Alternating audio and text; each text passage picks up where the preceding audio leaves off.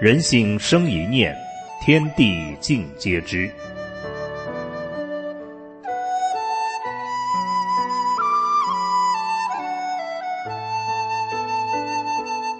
听众朋友您好，欢迎收听明慧广播电台《善恶一念间》节目。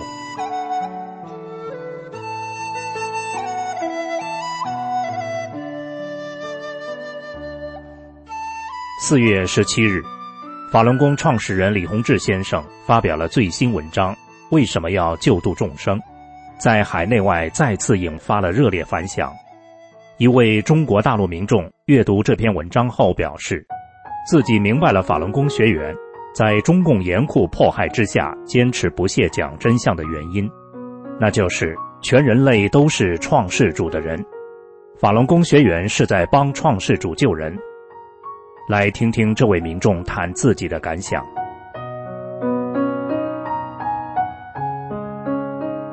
我今年六十三岁，是退休工人，在单位时，领导叫干啥就干啥；在家里，老婆叫干啥就干啥，不与人争。共产党迫害法轮功这些年来，我也为法轮功感到不平，因为朋友中有能翻墙看到外网的。跟我说过一点法轮功受迫害的事。以前我家门口的架子上出现过法轮功资料，老婆不叫拿，我就不拿，一直在那放着。后来人家就不放了。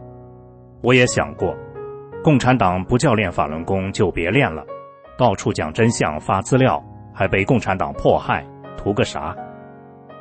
想是这么想，但我知道练法轮功的都是好人。以前政府让练时，上下班的路上看到广场上很多人练。五年前，我遇到一位法轮功学员给我讲真相，才知道法轮功是来救人的。可是他们连坏人也救，我就不明白了。神佛不是救好人吗？为啥坏人也要救？法轮功学员对我说：“坏人如果能按照真善忍的要求去做，也会变成好人。”好人就能得救。为了救那些坏人，法轮功学员已经被害死那么多，我一直认为不值。后来，一位我认识的法轮功学员给我一本《明慧周报》，我阅读了上面李大师为什么会有人类这篇文章后，觉得写的太好了，而且也明白了人类是怎么来的。我没有理会老婆的阻止，也把这篇文章分享给我哥看。前几天，李大师又发表了《为什么要救度众生》这篇文章，法轮功学员抄下来给我看。看过之后，我一下明白了为什么共产党越迫害法轮功学员越要讲真相的原因。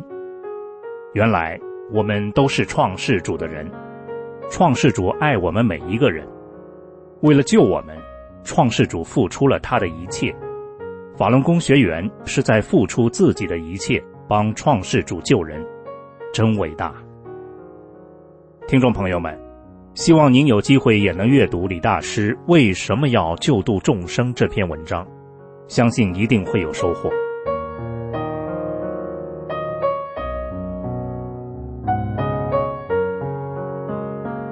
听众朋友，今天的善恶一念间就到这里，感谢您的收听。